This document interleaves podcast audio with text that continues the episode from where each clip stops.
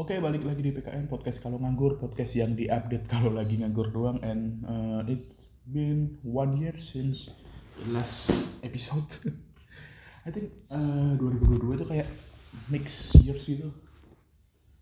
Ya, jadi kayak uh, banyak banget kejadian-kejadian yang mungkin belum pernah saya alami since the pandemic 2021 uh, kebanyakan saya cuma di rumah di kosan di sekolah paling nonton film di bioskop. Tapi 2022 itu kayak oh man I'm getting back to the world.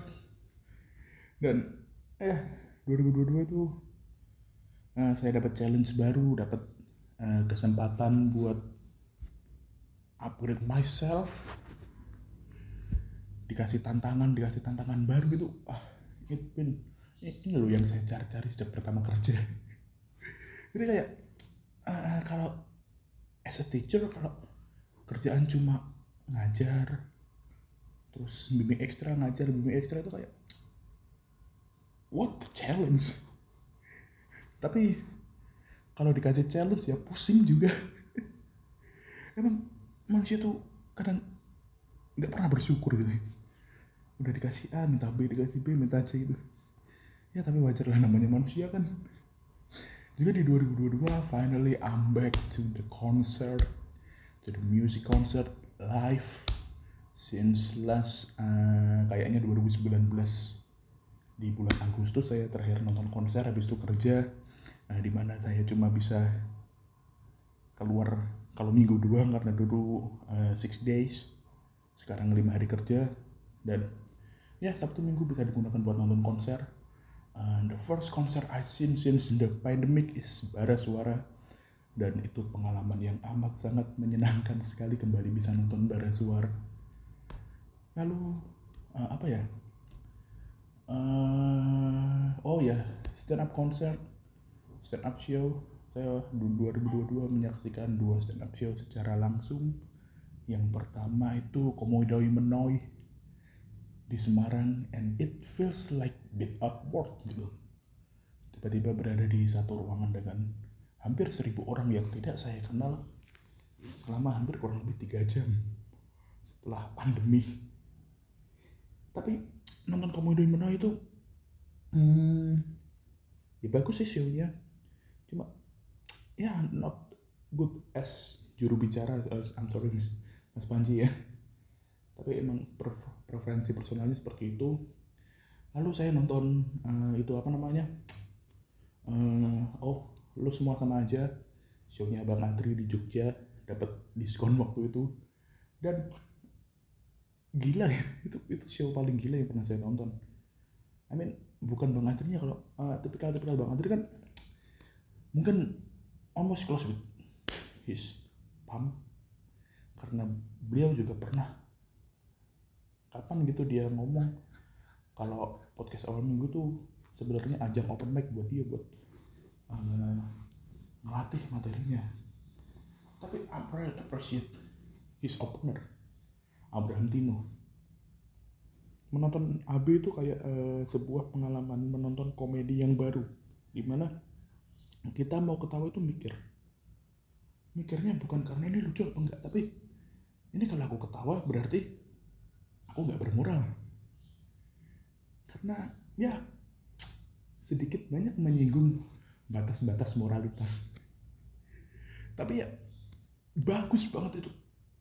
Uh, saya rasa 15 menit set yang I think tidak semua komik bisa melakukan itu. Uh, terutama buat yang dikatain sebagai lordnya dark jokes Coki sama Muslim I think they can be like Abraham Tino or maybe Rindra Dana. Uh, lalu di 2022 juga I am getting closer with a woman. Ya, deket dengan cewek. And then she left me she leave me maybe she betray me I don't know. Tapi uh, I'm happy I'm happy juga. Uh, kalau dia happy dengan her decision to leave me. But yeah. It's mixed feels years jadi kayak di 2022 tuh mixed feeling banget.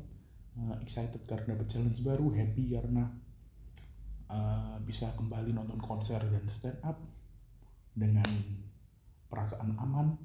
Karena 2021 walaupun udah ada konser udah ada stand up tapi uh, saya rasa pandemi itu masih di 2021 nah baru 2022 after omicron gitu saya merasa kalau ah udah selesai nah yuk kelar lah pandemi udah udah nggak dipikirin lagi lah. Ngapain mikir pandemi gitu? Tapi ya tetap uh, on the other side saya tetap keep my protocols. Ya masker kalau di perjalanan.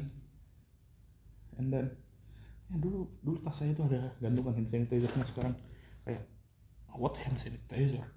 Cuma gantungan kunci di tas doang. Tapi ya ayo hmm, semuanya tetap safe ya. Kita tahu kalau kemarin pemerintah juga udah masih netapin ppkm level 1 dan eh, kayaknya ya covid ini nggak bakal berakhir gitu think it's like uh, maybe it's just like an influencer. Kalau dulu kan hmm, apa kita tahu vaksin belum semasif ini lalu uh, herd immunity-nya juga belum sekuat kemarin. Jadi ya 2021 tuh covid tuh dangerous banget. Uh, saya sampai kayak mau keluar aja takut itu.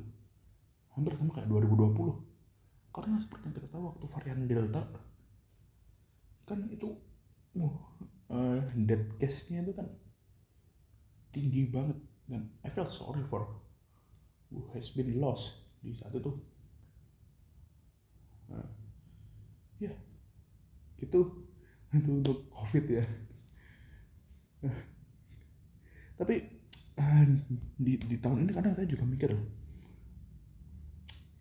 apa ya yang bikin tahun ini tuh saya kayak ngerasa I'm not living in the world that I I've been known before. Saya kayak tidak hidup di dunia yang saya ketahui sebelumnya. Kayak banyak banget hal yang berubah. Many things change. Di tahun 2022 ini kayak seolah hal-hal yang dulu uh, hal-hal yang dulu gitu biasa sekarang tuh feels weird kayak saya pernah tahu di Twitter gitu.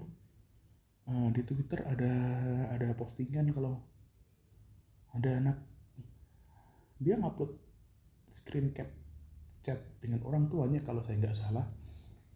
Orang tuanya itu cuma bilang kalau dia apa jangan pulang malam-malam karena bahaya. Itu captionnya itu what a strict parent.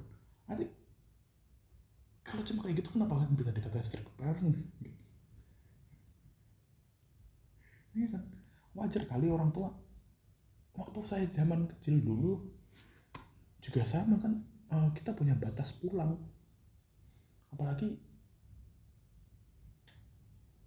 ya sampai kapan pun orang tua pasti kan peduli sama kita. Dia ngasih batas pulang tuh tujuannya kan banyak dia maybe dia tidak kenapa kenapa di jalan. Mungkin your parents has trauma kalau sama orang anak yang pulang malam mungkin dia punya trauma masa lalu atau apa kan kita juga nggak tahu. Yang, yang they care about you. Tapi kenapa sama anak anak zaman sekarang hal kayak gitu aja udah dikata strict parent gitu? Uh, saya bukan orang yang terlalu terikat itu maksudnya uh, saya bebas. Dan mungkin nanti ketika saya menikah saya punya anak uh, saya cuma mungkin tanya mau pulang jam berapa ya nggak akan membatasi anak-anak saya. Karena saya mau menanamkan tanggung jawab di sana. Tapi kalau cuma diingatkan untuk jangan pulang maling jangan balik malam aja udah dikatain strict kan ini loh yang kayak bikin orang-orang itu takut menikah itu dan punya anak. Karena takut anaknya jadi kayak gini. Ya. takut mereka jadi kayak gitu. Kayak gitu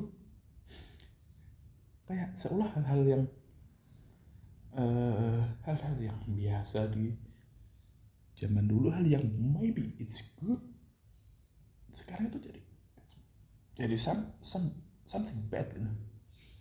Dan I don't know what the reason for it ya saya nggak tahu gimana reason apa reason apa sih reason mereka bisa sampai bisa ngatain orang tua yang cuma ngingetin biar nggak balik itu sebagai strict parent dan I don't know what my position in this world gitu. Jadi kayak saya tuh udah uh, saya mencoba keeping up keep in touch lah dengan dunia sekarang. Saya mencoba melihat uh, bagaimana cara dunia ini bekerja saat ini. Kenapa? Karena uh, kebanyakan murid saya kan juga Gen Z ya. Gen Z atau apalah itu namanya. Dan mereka kan murid-murid saya rata-rata usianya 15 sampai 18 tahun. I mean itu usia-usia remaja saat ini kan. Saya mencoba keep touch dengan uh, dunia remaja saat ini walaupun maybe ada ada perbedaan antara dunia remaja saat ini di medsos dengan di real life.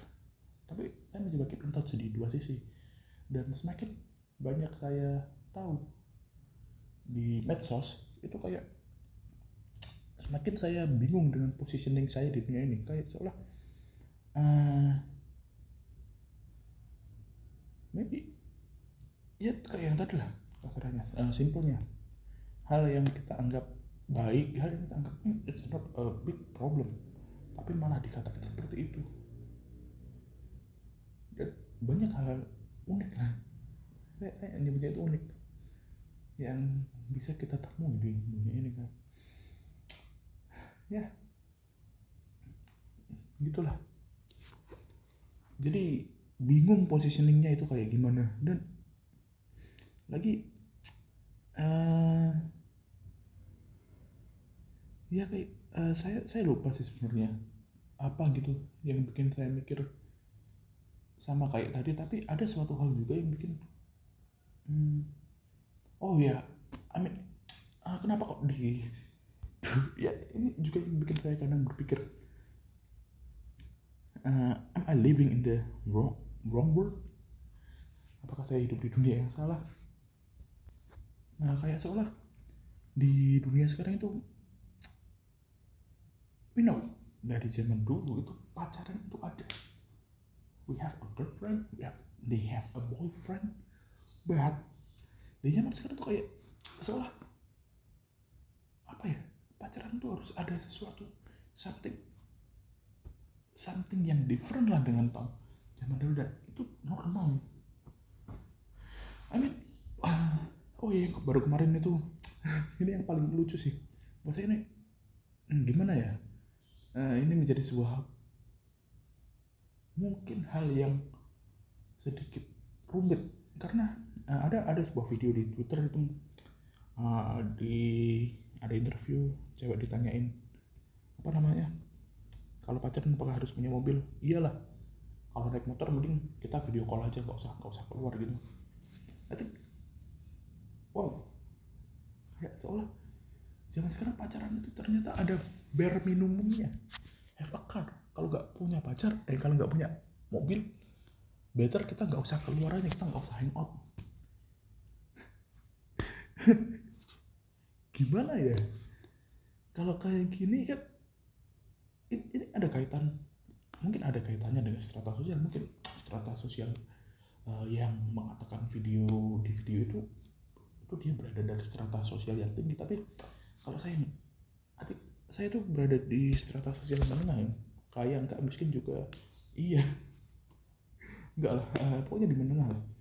Kayak seorang ini man I'm living in the wrong world di mana pacaran dia harus punya mobil loh.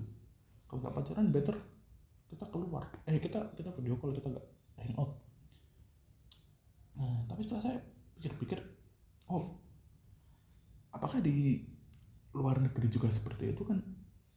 Maybe no banyak kita kita kita tahu kalau di luar negeri itu orang-orang pacaran simple things.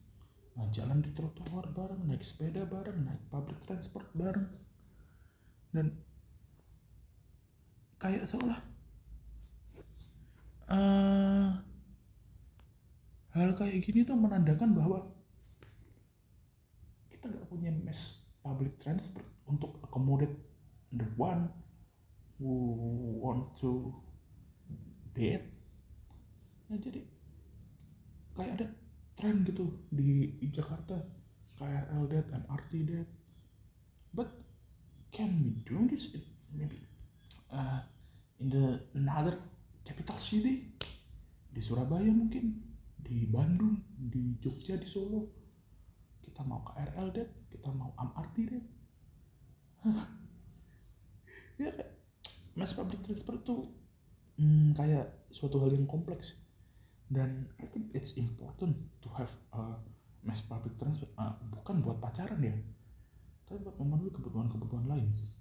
Jadi ya mungkin pacaran bisa menjadi satu kebutuhan basic elemen manusia yang akan terakomodasi jika kita punya public transport yang bagus. Tapi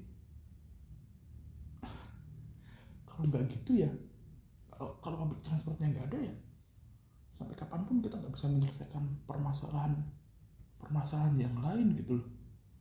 Kayak orang orang-orang itu selalu mengeluh kalau uh, eh, BBM mahal. Iya mereka mengeluh BBM mahal karena mereka nggak punya opsi lain untuk berpindah dari satu tempat ke tempat lain. They're not living in Jakarta. Dan um, sorry they're not living in Jabodetabek.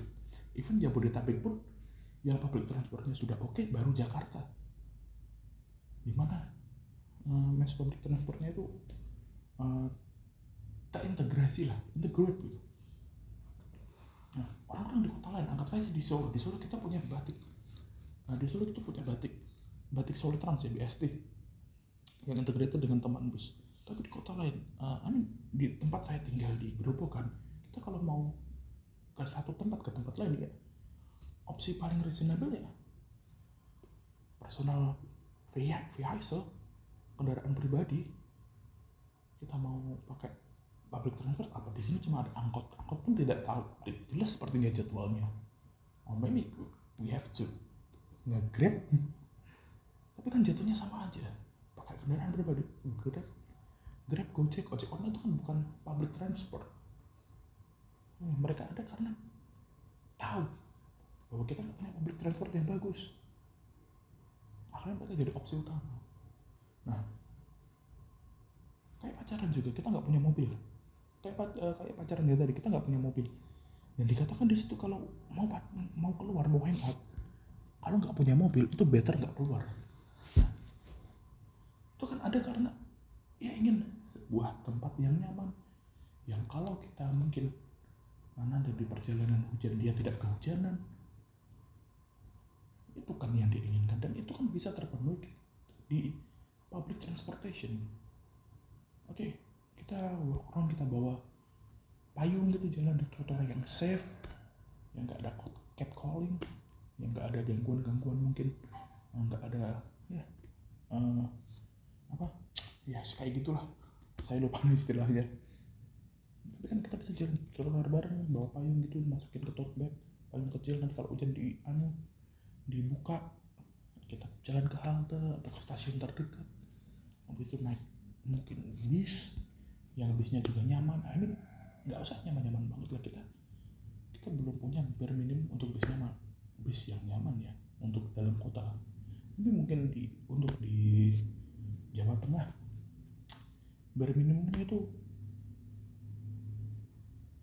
BST lah BST di Solo atau mungkin Transjateng kalau mungkin kita mau ambil di Jakarta itu Transjakarta ya karena opsinya cuma itu kita nggak punya opsi lain ya itu habis itu kita jalan ke suatu tempat gitu. Itu kan enak. Mean, kita nah, pertama kita nggak perlu keluar banyak dulu itu buat beli bensin yang kedua kalau kita berada di situasi jam atau situasi macet kita nggak perlu pusing karena mereka trans, public transport kan punya jalannya sendiri. Yeah. jadi think mostly solution for Indonesian problems itu public transport yang bagus. Kayak tadi kalau mungkin kita punya public transport yang bagus kita nggak nggak bakal ada video kayak tadi. Hampir minum pacaran ya ya udah kita MRT date, KRL date, atau maybe something else gitu. Iya kan by the, uh, by the way kemarin ngomongin public transport saya saya di tahun 2022 ini juga uh, banyak banget naik kereta api ya. Bridgingnya emang bisa di 2022 ini uh, saya banyak naik kereta api dibanding tahun-tahun sebelumnya. Ya yeah, uh, first for the reason why I choose the train adalah pertama ya seperti saya katakan tadi saya uh, saya di 2022 ini lagi dekat sama cewek dan ya uh, saya sekali ke sana for personal reason juga. Lalu ke tempat saudara dan jalan-jalan biasa. Uh, kalau kata anak-anak sekarang itu healing ya. Dan tiap kali naik kereta api tuh kayak uh, dulu di waktu saya SD itu naik kereta api itu first come first serve. Kalau kita nggak datang duluan kita nggak bakal tempat duduk. Kita nggak dapet tempat duduk kalau untuk di hasil ekonomi. Saya karena naik eksekutif waktu zaman dulu. Dan di ekonomi pun itu kita bisa kita bisa dapat duduk tapi di bawah kita itu pasti ada orang yang duduk juga. Ini yang di bawah mungkin tidur ada penjual gitu. Lalu saya saya bandingkan dengan sekarang. Kereta api di Indonesia itu udah maju ya. Kayaknya udah udah revolusioner banget tapi dengan revolusi yang ada di KAI itu kayak bikin mereka tuh berada di zona zona nyaman. Dan mereka dengan bangganya ketika berhenti di stasiun mereka bilang terima kasih sudah mempercayakan perjalanan anda pada kereta api Indonesia. Oh, men kita nggak punya opsi lain. Ini satu-satunya penyedia jasa kereta api kan cuma kalian kai kalau kita punya opsi lain ya ya mungkin kita akan berpikir dua kali kita cari harga yang termurah kita cari dengan pelayanan yang terbaik. Ya kalau cuma dimonopoli satu perusahaan ya ya itu ini opsi kami satu-satunya. Tapi saya salut dengan PT KAI mending di situasi yang covid sudah uh, people kayaknya orang-orang udah doesn't care about covid. Udah nggak peduli sama covid. Udah kayak what what covid ini? Tapi mereka masih tetap stay bagi-bagi masker bagi-bagi hand sanitizer. Eh kok so, um, I'm sorry bukan hand sanitizer tapi uh, web tissue tisu basah. Dan itu a good move buat saya karena hmm, banyak orang yang naik kereta api itu nggak pakai masker. Iya ber banyak banyak gedung utamanya ekonomi ya. Itu rata-rata mereka pakai masker dari KAI jadi mereka naik nggak pakai masker gitu it's a good move. Dan ada beberapa hal yang saya rindukan dari KAI itu adalah uh, makanannya. Makanan kereta itu enak banget.